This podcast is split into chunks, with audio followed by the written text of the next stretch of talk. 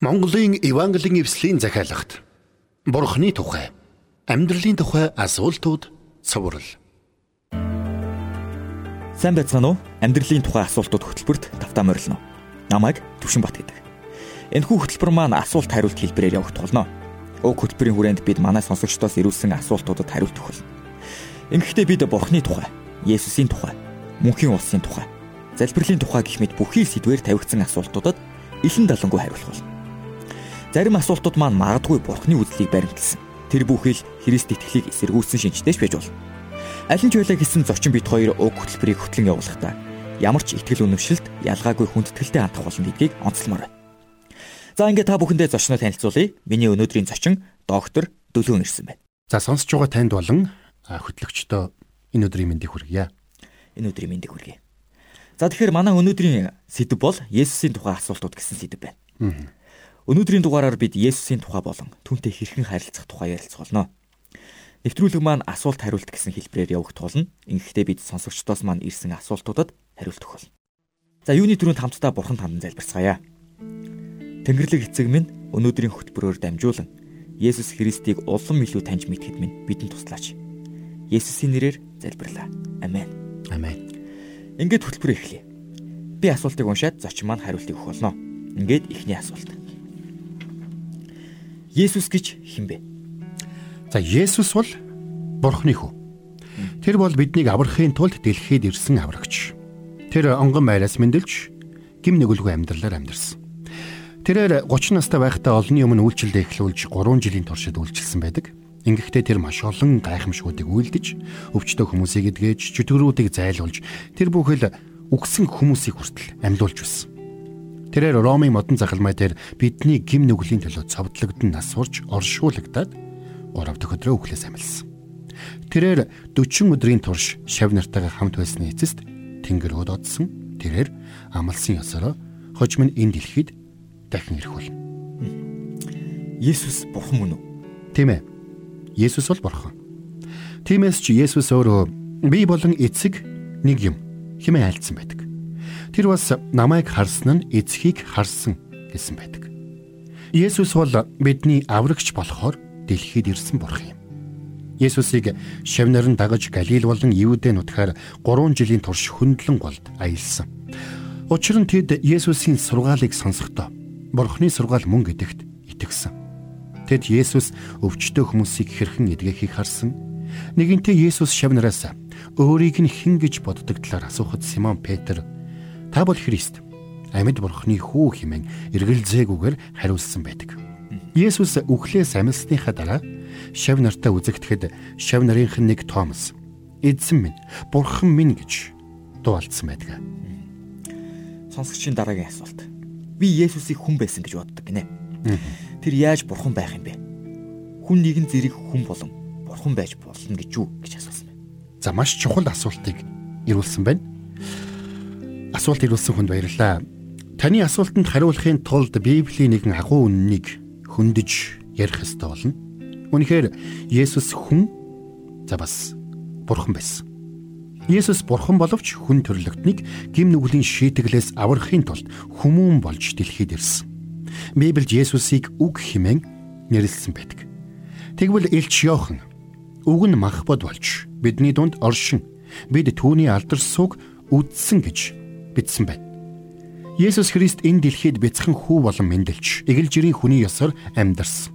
Тэгсэн атлаа тэр бас бурхан байсан. Өөрөөр хэлбэл Есүс хагас хүн, хагас бурхан байгаагүй. Харин 100% хүн бас 100% бурхан байсан. Тэр нэгэн зэрэг хүн бас бурхан байсан. Тэр бидэнтэй адилхан хүн байсан учраас аман цангаж худгийн дэргэд самар эмэгтэйгээс ус гуйж байсан. Тэр бурхан учраас өөрт нь ус өгсөн самар эмэгтэйд хизээж цангуулахгүй байж чадах амийн усыг өгч чадна гэдгээ хэлж байсан. Тэр бидэнтэй адилхан игэл жирийн хүн байсан учраас шав нараа Галил тэнгисийг гатлах үед ядарч туйлдаад завны хитэг дээр унтаж байсан. Гэхдээ нөгөө тэгүр тэр бурхан байсан учраас хуйлран шуугах хүчит давлгааг зандран номхоруулж чадсан байдаг. Тэр бидэнтэй адил хүн байсан учраас Ромын модон загалмай дээр амиа өгсөн. Гэхдээ тэр бас бурхан байсан учраас 3 дахь өдрөө үхлээс амьссан. Тиймээс Есүс хагас хүн, хагас бурхан байгаагүй. Тэр бүрэн төгс хүн, бүрэн төгс бурхан байсан билээ. Бурхан Есүсийг бүтээсэн үү? Үгүй ээ. Бурхан Есүсийг бүтээгээгүй. Библиэд Есүсийн тухай хэлэхдээ эхэнд үг байсан ба үг бурхантай хамт байсан агаад үг нь бурхан байв гэсэн байдаг. Зарим хүмүүс бурхан Есүсийг бүтээсэн гэж заадаг. Энэ бол худал хуурмаг тэрс сургаал юм. Учир нь Есүс бүтээгдээгүй. Тэр анханасаа бурхан байсан. Сонсоод байсан чи миний толгой бүр эргэж гүйцлээ л дээ. Хэрвээ Есүс бурхан юм бол тэгээд хідэн бурхан байдаг гэсэн үг юм бэ? За та өөрөө их чухал асуулт асуулаа. Үнэн дээр цорын ганц бурхан бий. Иш үзүүлэгч Исаягаар дамжуулж бурхан айлдахдаа би ихэн бас би эцэс надаас өөр бурхан байхгүй гэсэн байдаг. Нэгэн хуулийн багш Есүсээс хамгийн агуу тушаал нь юу болохыг асуухад Есүс түнд эхнийх нь сонс Израиля бидний бурхан эзэн бол ганц эзэн мөн чи бурхан эзнээ бүх зүрх бүх сэтгэл бүх оюун ухаан бүх хүч чадлаараа хайрл гэсэн юм гэж хариулсан байдаг. Эндээс үзэх юм бол Есүс өөрөө ч бурхан бол цор ганц гэдгийг онцлсан байна. Өнөөдөр хүмүүсийн мөргөж шүтдэг хуурамч бурхад маш олон бий. Харин бурхан өөрөө айлдахдаа чи надаас өөр бурхадтай миний өмнө байж болохгүй гэсэн байдаг.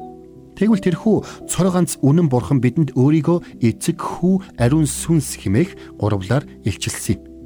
Бурханы гурван бодгаалыг бид эцэг бурхан, хүү бурхан, ариун сүнс бурхан гэдгээр нь мэднэ. Бурханы энэ гурван бодгаал нь нэг юм. Тус бүрдээ өөр өөр бодгаал боловч хамтдаа нэг гурвал юм. Үүнийг эгэл жирийн хүмүүс бид ойлгоход амаргүй ойлголтоо. Гэхдээ энэ үнэн. Үүнийг тайлбарлах гэж оролдохдоо зарим багш нар шингэн, хий, мүс гэсэн усны гурван төлөвтөө дээ. Гэхдээ энэ зөвлөлч бас хангалттай биш юм.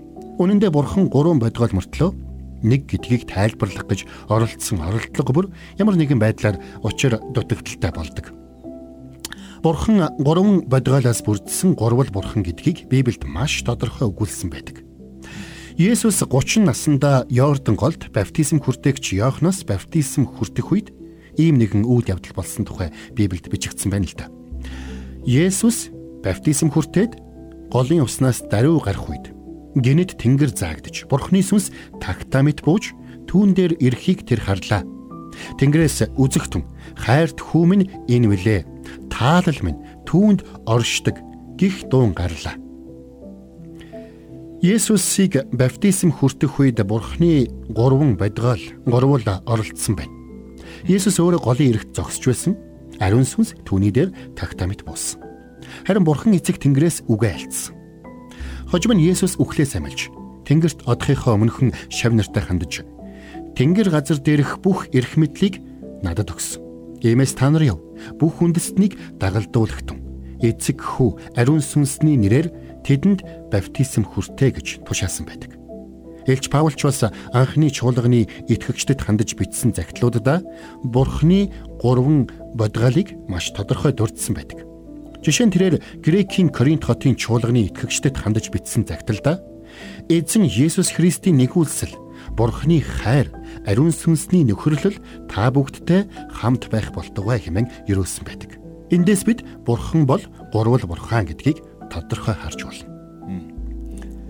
Хүмүүс бид ер нь юмний илүү илүү дээр нь хандж тогтох гээд байдаг л да. Бурхан Есүс хоёрын аль нь илүү юм бэ? Бурхан нь Есүсийн дээр байх уу? Үгүй ээ. Бурхан Есүсийн дээр байхгүй. Эцэг бурхан, хүү бурхан, ариун сүнс бурхан гурвуулаа адил тэгш юм. Учир нь тэд нэг юм. Ойлгомжтой. За сонсогчоос ирсэн дараагийн асуултыг асууя. За. Есүс үнэхээр онгон бүсгүйгээс мэндэлсэн гэж юу гэсэн байна? Тийм ээ. Есүс онгон бүсгүйгээс мэндэлсэн. Майр уг нь Йосеф хэмээх залуутай сүү тавьсан байсан. Гэсэн ч Тэнгэрлэгч Габриэл майрд үзэгдэж түүнийг хүү төрүүлэх бөгөөд тэр хүү авууга нэгэн болох ба хамгийн дээдийн хүү гэж дуудагдана гэж тунхагласан байдаг. Би онгон атал нь яаж бүтэх вүлээ гэж майрыг гайхахад Тэнгэрлэгч түнд ариун сүнс чам дээр ирж хамгийн дээдийн хүч чамайг бүрхнэ. Тиймээс төрөх хүн ариун нэгэн байх бөгөөд бурхны хүү гэж дуудагдах болно гэж хэлсэн байдаг. Тийхүү бүх зүйл Тэнгэр элчийн хэлснээр болж Есүс Христ онгон майраас мэндэлсэн юм. Тиймээс Есүст мах бодын эцэг байхгүй гэсэн үг. Есүсийг онгон бүсгүйгээс мэндэлсэн гэхэд итгэхэд бэрхэлдэ. Ийм байх боломжгүй шүү дээ ер нь. Яаж ийм зүйл байх юм бэ? За таны асуултанд маш их баярлалаа. Хүний ухаанаар бодоод үзэх юм бол үнэхээр онгон бүсгүйгээс хүүхэд төрөх боломжгүй. А Есүсийг төрүүлсэн майр хүртэл үүнийг боломжгүй гэж бодож байсан. Харин Тэнгэр элч түнд Бурханд боломжгүй юм гэж нэгч байхгүй хэмээн батлан хэлсэн байдаг. Майртаа сүү тавьсан байсан Йосефч бас тантай адил бодолтой байсан. Тэр Марийг хөл хүндтэй болсныг нь сонсоод түүнийг садар самуу явдлын улмаас олонний өмнө чулуугаар шидүүлэх вэ гэж бодсондоо түүнээс чимээгүй салж явахаар бэлдэж байсан. Харин эзний тэнгэрлэгч Йосефийн зүүдэнд нь үзэгдэж Давидын хүү Йосефо Марийг эхнэрээ болгохоос бүү имэ хтэн. Учир нь түүнд олдоод байгаа нь ариун сүнсний хэм. Тэрээр нэгэн хүү төрүүлж тэр нь ард түмнээ нүглээс нь аврах тул чи түүний нэрийг Есүс хэмээн дууд. Ингээд Йосеф бурханд дуулууртай байж Марийг гэртээ аваачин эхнэрээ болгосон юм. Гэхдээ тэр Есүсийг мэдлэх хүртэл Мартай бэлгийн харьцаанд ороогүй. Есүсийг мэдлэхээс даруй 700 гаруй жилийн өмнө иш үзүүлэгч Исая хэлэхдээ үзэх түн нэгэн онгон бүсгүй хөл хүндтэй болж хүү төрүүлж түүнийг Иммануэль гэж нэрлэнэ гэсэн байдаг. Иммануэль гэдэг нь бидэнтэй хамт буй бурхан гэсэн утгатай нэр юм шүү. Байх юм шиг. Есүсийн ээж болох онгон майр бусдад тусалж чадах болов онгон майр танд залбирч болох уу юу? Үгүй. Майр танд тусалж чадахгүй. Тийм болохоор та түүнд хандан залбирах шаардлагагүй. Тэр бол Бурхны гайхамшигтай үйлчлэгч байсан хүн. Тэр Бурхныг дуулуур тадагсан. Гэхдээ тэр өөрөө Бурхан биш. Майр Есүсийг төрүүлэхээс өмнө ойрын хамаатан Элизабетийн герт очисон байхдаа Бурхныг магтан алдаршуулж ийхүү шүлгэлсэн байдаг л да. Сэтгэл минь эзнийг дээдлэнэ сүнс минь аврагч бурхандаа баяслаа. Учир нь тэрээр шивгчнийхээ дарууг олж харсан билээ.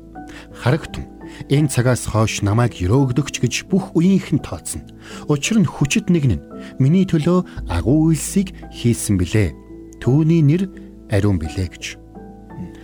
Эндээс үзвэл майр өөрийгөө бурхнаар өрөөгдсөн гэж тооцож байснаас өөрийгөө бурхан гэж үзэж байгаагүй майр бурханд дуулууртай байснараа өрөөгдсөн боловч тэглээгээд бид майрд залбирч болно гэсэн үг биш ээ. Бас бид өөрсдөө Есүст хандан залбирч чадах учраас бидний төлөө зуучлан залбирахыг ч майраас гуйх шаардлагагүй юм. Эзэн Есүс хэлэхдээ зүдэж зүтгэгсэд хийгээд хүнд ачаа үүрсэн бүгдээ над дээр ир. Би та нарыг амраая гэсэн байдаг. Мөн бурхны үгэнд хэлэхдээ учир нь ганц бурхан байна мөн бурхан ба хүмүүсийн хоорондох ганц зууч хүмүүн болох Христ Есүс байна. Тэр өөрийгөө бүгдийн төлөө золиос болгон өгсөн нь зохистой цагтаа гэрчлэл болов гэсэн байдаг. Тиймээс бид бурханд хандан залбирахын тулд Мари нэр дээрч тэр өөр хэн нэгэн ариун хүний нэр дээрч тэр залбирах шаардлагагүй. Библиэд ингэж бичигдсэн нэг ч үг байхгүй. Мэдээж бурханд итгэж байсан тэр ариун хүмүүс бүгд мөнхийн улсад байгаа. Гэхдээ тэд бурхан шиг бүхнийг мэдгч, бүхнийг чадагч биш ээ. Учир нь зөвхөн бурхан л бүхнийг мэдж, бүхнийг чаддаг. Зөвхөн бурхан л хаа сайгүйгээр оршигчүлээ. Есүс үнэхээр огт гим нүгэл үйлдэлгүй амьдрсан уу? Тийм. Есүс гим нүгэлгүй амьдралаар амьдарсан. Тэр нэг ч удаа нүгэл үйлдэггүй. Нэг удаа Есүс өөрөөс нь өө хайж байсан шашны удирдагчдад хандаж намайг нүгэлтэй гэж нотлох хүн та нарын дотор байна уу хэмээн асууж байсан. Өнөөдөр та бидч бас түүнийг нүгэлтэй байсан гэж хэлж баталж чадахгүй. Симон Петр Есүсийг 3 жилийн туршид дагсан. Тэр Есүсийг янз бүрийн нөхцөл байдал донд байхад нь харж ажиглаж байсан. Тэгсэн атла Петр хожим нь тэр нүгэл үйлдэггүй. Аманд нь мэх худал байгаагүй гэсэн байдаг. За мөн Библиэд Есүсийн тухай бичгтээ Учир нь бидэнд байгаа нь бидний мөхөстлийг өрөвдөж эс чадах тэргүүн тахилч бус. Харин нүгэлгүй атла бүх талаар бидэн шиг соригдсон нэгэн билээ гэсэн байдаг. Есүс Христ өөрөө гим нүгэлгүй ариун амьдарсан учраас тэр өөрөө хүн төрлөختнийг бурхантай зуучлах төгс зууч болж чадсан юм. Учир нь бидэнд ариун, гэмгүй, бузартаагүй байгаад нүгэлтнүүдээс тусгаарлагдсан, Тэнгэрээс өндөрт өргөмжлөгдсөн тийм тэргүүн тахилж байх нь зохилтоо байв хэмээн Библиэд үүнийг тайлбарлсан байдаг. Үнэхээр Есүс ариун, гэмгүй, бузартаагүй, нүгэлгүй нэгэн байсан. Тэр нүгэлгүй учраас бидний нүглийн төлөөсийг түлж чадсан юм. Элч Паул энэ талаар бичгтээ нүглийг үл мэдгч түүнийг бидний төлөө тэрээр нүгэл болгосны учир түүний дотор бид бурхны зөвхт байдал болох юм гэсэн байдаг. За сүүлийн асуулт ирсэн байна. За. Есүс үнэхээр загалмаа дээр нас барсан уу? Тийм ээ. Тэр загалмаа дээр амиа өгсөн. Түүнийг шашны удирдагчид баривчилж хилс хэрэгт гүтхэн Ромын модон загалмайд цавдлах үед тэр 33 орчим настай байсан. Ромын цэргүүд түүнийг баривчилж Голготын толгод дээр модон загалмайд цавдалсан. Бүтэн 6 цагийн турш тарчилсны эцэст Есүс гүйцэлдлээ гэж хэлээд тэргүүнээ гудайлхан амьсгал хураасан юм. Есүс Христ танд үнэхээр хайртай учраас таны гим нүглийн төлөөсийг төлөхийн тулд загалмаа дээр амиа өгсөн юм шүү. Танд маш баярлалаа. Танд бас баярлалаа. Хөтөлбөр маань энэ хүрээд өндөрлөж байна. Бидний хүлээн аван сонссон сонсогч танд маш баярлалаа. Ингээд нэвтрүүлгийнхээ төгсгөлд өөрийнхөө Есүс Христийг бидний төлөө илгээсэн Бурхан эцэг талархан товчхон залбирцгаая. Би эхлээд залбирх болно. Дараа нь намайг дахин залбирх үед та намайг дагаад чин сэтгэлээсээ залбираарай. Бурхан эцэг минь, цорын ганц хүү Есүс Христээ бидний төлөө дэлхийд илгээсэн танд баярлалаа. Амен. Амен. Одоо намайг дахин залбирх үед та миний хэлсэн үгийг давтан залбираарай. Ингэхдээ чангаар чин сэтгэлээсээ залбирахыг хүсье. Бурхан эцэг минь цорын ганц хүү Есүс Христээ бидний төлөө дэлхийд илгээсэнд танд баярлалаа. Амен. Надтай хамт залбирсан сонсогч танд баярлалаа. Та бүхэн манай амьдралын тухай асуултууд хөтөлбөрийн дараа дараагийн дугааруудыг таалан сонсоорой. Монголын Евангелийн эвслийн захиалагт Бурхны тухай, амьдралын тухай асуултууд цовруул Цувралын талаар асууж тодруулах зүйл байвал 8085 99 тэгтэг дугаард холбогдоорой.